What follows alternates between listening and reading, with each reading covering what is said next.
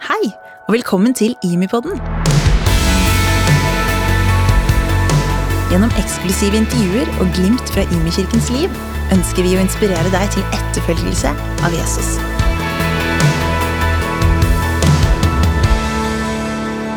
Hei og velkommen til Imipodden. Eh, flott at du lytter på. Det er en ny uke, og vi har med oss en ny gjest i dag. Vi har eh, valgt å lage Imipodden én gang i uka i eh, koronatiden for å fortelle historier om ulike sider ved den tida vi lever i akkurat nå, og hvordan det berører ulike mennesker. Noen ganger har vi reist ut i verden, andre ganger har vi med oss folk helt lokalt her i Stavanger. Og i dag har jeg gleden av å sitte her og se på en fra vår egen menighet, Imi kirka. Arne Viste, velkommen på Imi-podden.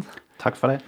Først må jeg spørre du, sånn som jeg har spurt de fleste andre gjestene, hvordan har denne eh, nedstengingen av Norge og koronakrisen, som vi har kalt den, påvirka du personlig?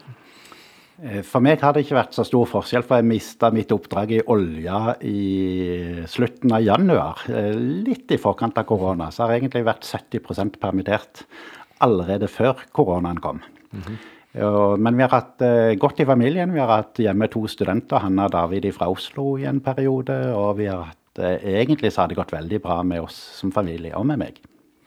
Du, det er jo eh, litt sånn at eh, noen av oss eh, som har drevet hjemmeskole og hjemmebarnehage og sånn, vi opplever kanskje at dette bare har vært ei enda travlere tid, mens andre opplever å ha fått mye ekstra tid. Hvilken kategori kommer du i? Jeg opplever at ha hatt uh, mer tid, så det og det har jeg nytt. Jeg har hatt gode dager, sovet lenge og starta en sen morgen med en god kaffe og aviser, og kjenner at det gjør veldig godt. Så bra. Og så mener jeg fanga opp i en annen samtale at du til og med har fått tid til å begynne å jogge litt, eller? ja. Det var når vi hadde hjemme ungene, da, som måtte uh, strekke seg langt for ungene sine. Så jeg har to turer rundt Mosvannet, og greide, siste turen greide jeg uten å stoppe og ta pause på tre kilometer jogging. ja, Veldig bra. Ja, men Det er veldig tilfredsstillende når en merker progresjon. Ja, det stemmer det. Ja. Du Arne, eh, vi, vi, som er her i IMI, vi, vi, kjenner deg jo først og fremst som Arne, og, og fra ulike roller, enten det er søndagsskolelærer på blå gruppe eller hva det er. Men for Eh, for et litt større publikum så er du jo særlig de siste åra blitt kjent for den eh, kampen du har tatt for uh, ureturnerbare eller papirløse. Brukes litt ulike begreper. Og, og, som også har blitt en kamp i, i, rettssystemet etter hvert. Det skal vi straks komme tilbake til, men aller først. Du driver et firma som heter Plog AS. Og du har ansatt mange av disse menneskene. Hvordan har denne tida vært for de? Fordi eh, de fleste av de føler seg trygge i Norge med at det er veldig liten returmulighet. Og eh, de som jobber for meg, har ofte deltidsjobber der de får jobbe bare litt fordi at jeg ikke har nok oppdrag til å holde de fulltidsansatte. Så, eh, men for mange av de så oppleves kanskje dette med stengte landegrenser og manglende flyretrykk som beroligende. Det er en pause fra den stadige returfrykten. Frykten for tvangsretur til Iran, til Irak, til Eritrea, til andre regimer. Og på en måte så er det en slags pause i den frykten som de har levd med i mange, mange år. Eh, mange av disse er jo vant til å leve i passivitet. Noen har sittet i ti år på asylmottak uten å, uten å kunne fylle dagene med noe vettugt. Og, og korona eller ei tror jeg ikke betyr så veldig mye i forskjell for dem. Mm. Og så har vi også det at uh, de får jo vanligvis ikke helsehjelp. Men når det gjelder smittsomme sykdommer, så hvis de får korona, så får de faktisk helsehjelp for å beskytte den norske delen av befolkninga. Mm. Så så brutalt er det systemet. Det er jo interessant. Vi snakker jo mye om at eh, korona har satt mange av oss på pause. Eh, og det du sier er at for disse menneskene så betyr det kanskje i positiv forstand faktisk en pause fra frykten. Mm. Ja. Um, så er det jo sånn at din sak, eh, den, eh, den går også i rettssystemet nå. Eh, der kom en kjennelse som Bl.a. innebar eh, ett års eh, ube, nei, betinga fengsel, viktig presisering. Og, og, og, som var en dom, dom som verken du eller oss som har heia på deg, var tilfreds med, fordi at det grunnleggende spørsmålet her om Grunnloven ble i liten grad belyst. Mm. Og Derfor så har saken blitt anka til Høyesterett. Hvordan ligger det an med et svar derfra? Det ligger like rundt hjørnet, så jeg går i spenning nå disse dagene. Jeg trodde vi skulle få den avgjørelsen før 17. mai, eh, men nå fikk jeg et spørsmål fra Høyesterett i går som må besvares til i morgen. Mm. Så da vil jeg tro at vi ikke får endelig svaret denne uka, men i neste uke er i gang. Vi er helt i innspurten og har litt kommunikasjon med Høyesterett om det. Høyesterett skal ikke ta stilling til sjøl saken, om de har lov å jobbe eller ikke, men Høyesterett skal bare bestemme om lagmannsretten må behandle saken eller ikke. Eh, så i, og jeg vet, ikke, jeg vet ikke hva jeg skal be om. På en måte er det riktigst at lagmannsretten får behandle saken, og at vi får den grundigere belyst. Men så er det en oppside med at hvis ikke det skjer, så har vi uttømt det norske systemet, og da kan vi raskere få sendt en anke, eller en klagesak, heter det, til europeiske menneskerettsdomstolen. Og det er et veldig viktig moment som vi uansett må komme til. At vi får sendt for det eh, Med mindre vi får full seier i Norge, så er det en som ligger. Og hvis nå Høyesterett sier at ikke lagmannsretten må ta den, så kommer vi raskere til EMD. Så det men det er litt sånn vanskelig å vite hva som er best her. Det ligger i Guds hender og Høyesterett sine hender. Mm. Ja, for det er jo på en måte to, to eh, spor her. Det er Grunnloven, og så er det menneskerettighetene. Ja. ja. Um, hva, hva, tenker du om de ulike scenarioene, og hvilke konsekvenser de får for deg sjøl og den, både din virksomhet og den kampen du står i?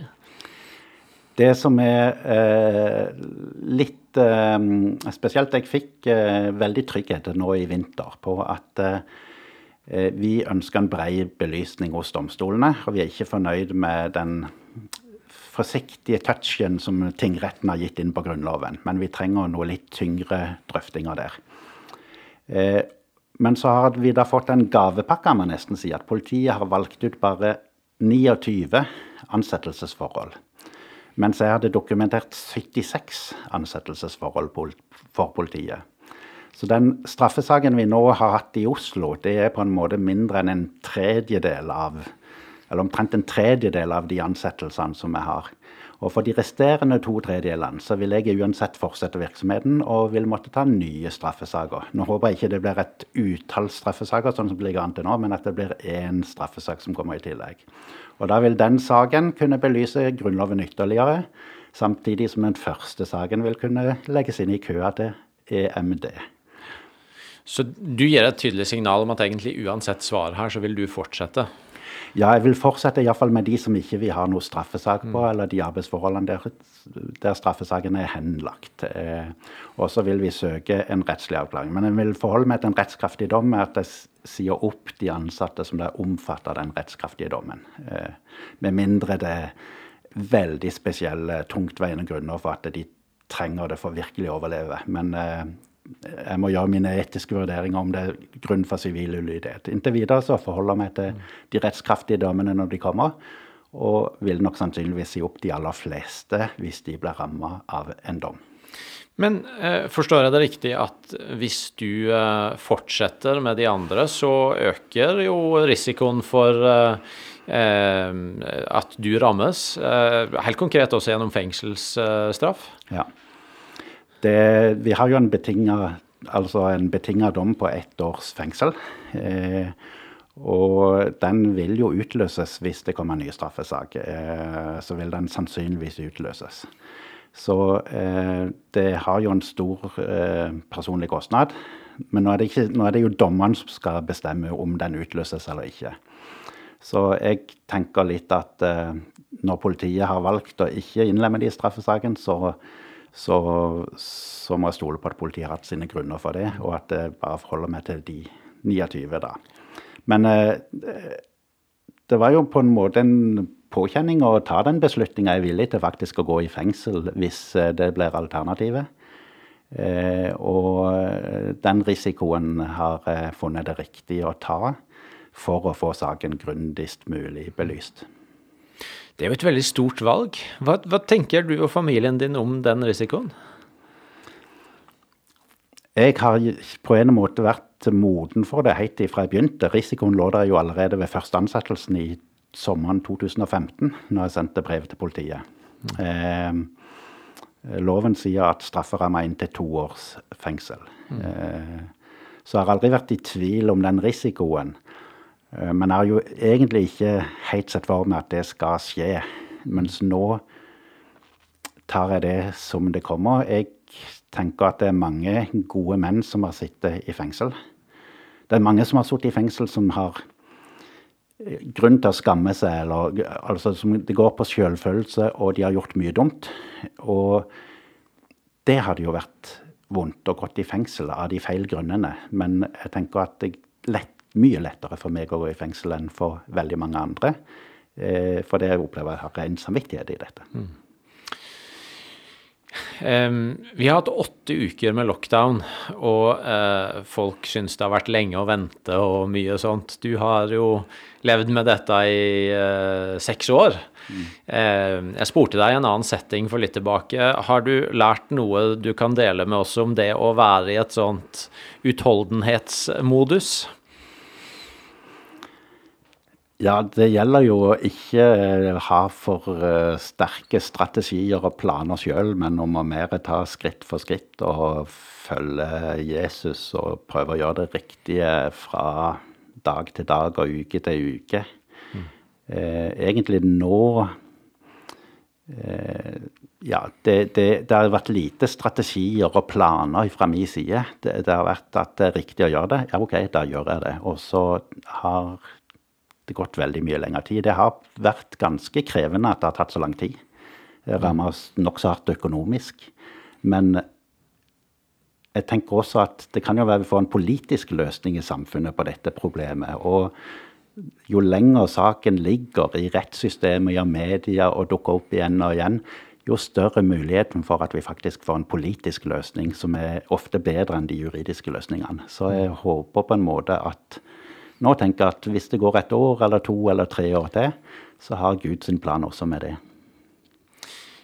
Det er utrolig inspirerende å høre deg dele, Arne. Og jeg tenker det gir mot for mange av oss at uh, det er mer dag for dag og, mm. og, lydighet mot det Jesus gjør i dag, mm. uh, enn å se hele løpet.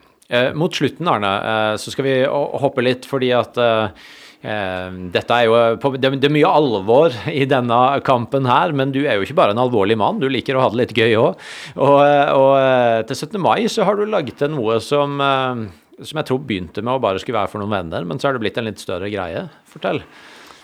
Ja, jeg hadde lyst til å lage en rebus. Jeg har lagd mange rebuser i mitt liv, så jeg tenkte vi må gjøre noe på 17. mai hvis det er lockdown og sånt, så vi kunne invitere venner til. Og så når jeg gjorde det, så så at Istedenfor å ha det på papir og laminert og poste på den måten, så la jeg det på internett. Eh, på en webløsning. Og så syns jeg det ble så bra. Jeg må jo få lov å skryte av meg sjøl. Så jeg syns det ble knallbra. Så dermed så har jeg gått public med å invitere hele byen. Eh, og typisk da barnefamilier, men også pensjonister og ektepar og enslige til å være med på bilrebus på 17. mai. Så da har vi, Og det er kun lek og fest og moro. Men han har vinklinger på på nasjonalsangen. Så han vil dra Norges historie fra Harald Hårfagre til, til og med krigen. Mm. Og hver post er dedikert et vers i nasjonalsangen, og kobler det mot lokalhistorien her i Stavanger. Og så er det mye fest og moro og oppgaver for både voksne og barn. Mange oppgaver er så vanskelige at jeg tror jeg får litt kritikk for det. Så de som våger å prøve seg, de får virkelig lykke til. Men ingen skal bli sånn fest. Det fins hjelper på å få på alle postene. Så bra. Og Hvor må en gå hvis en skal få tak i dette her? Det ligger på eh, nettsida nasjonalsangen.no. Og det er også et Facebook-arrangement som heter Bilrebus Stavanger 17. mai, nasjonalsangen, sånne ting. Så det, men nasjonalsangen.no, der er det informasjon, og der ligger også postene. Fantastisk. Jeg gleder meg. Jeg har tenkt å være med. Ja, så bra. Det blir veldig kjekt. ja. Arne, takk for at du var med oss. Det er alltid en inspirasjon å snakke med deg. Og vi ønsker deg også lykke til, og vil være med og be for deg i de spennende ukene som ligger foran nå.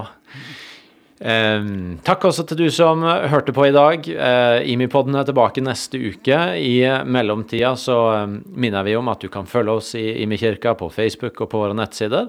Og der legges det ut eh, forskjellige typer innhold. Så tillater jeg meg òg i all ubeskjedenhet å si at eh, vi syns vi lager ganske mye bra på Imipodden, og vi vil gjerne at flere skal få det med. Så hvis du har hørt og liker det du har hørt, del det gjerne med noen andre. Og med det så ønsker jeg deg velsigna uke og en god 17. mai.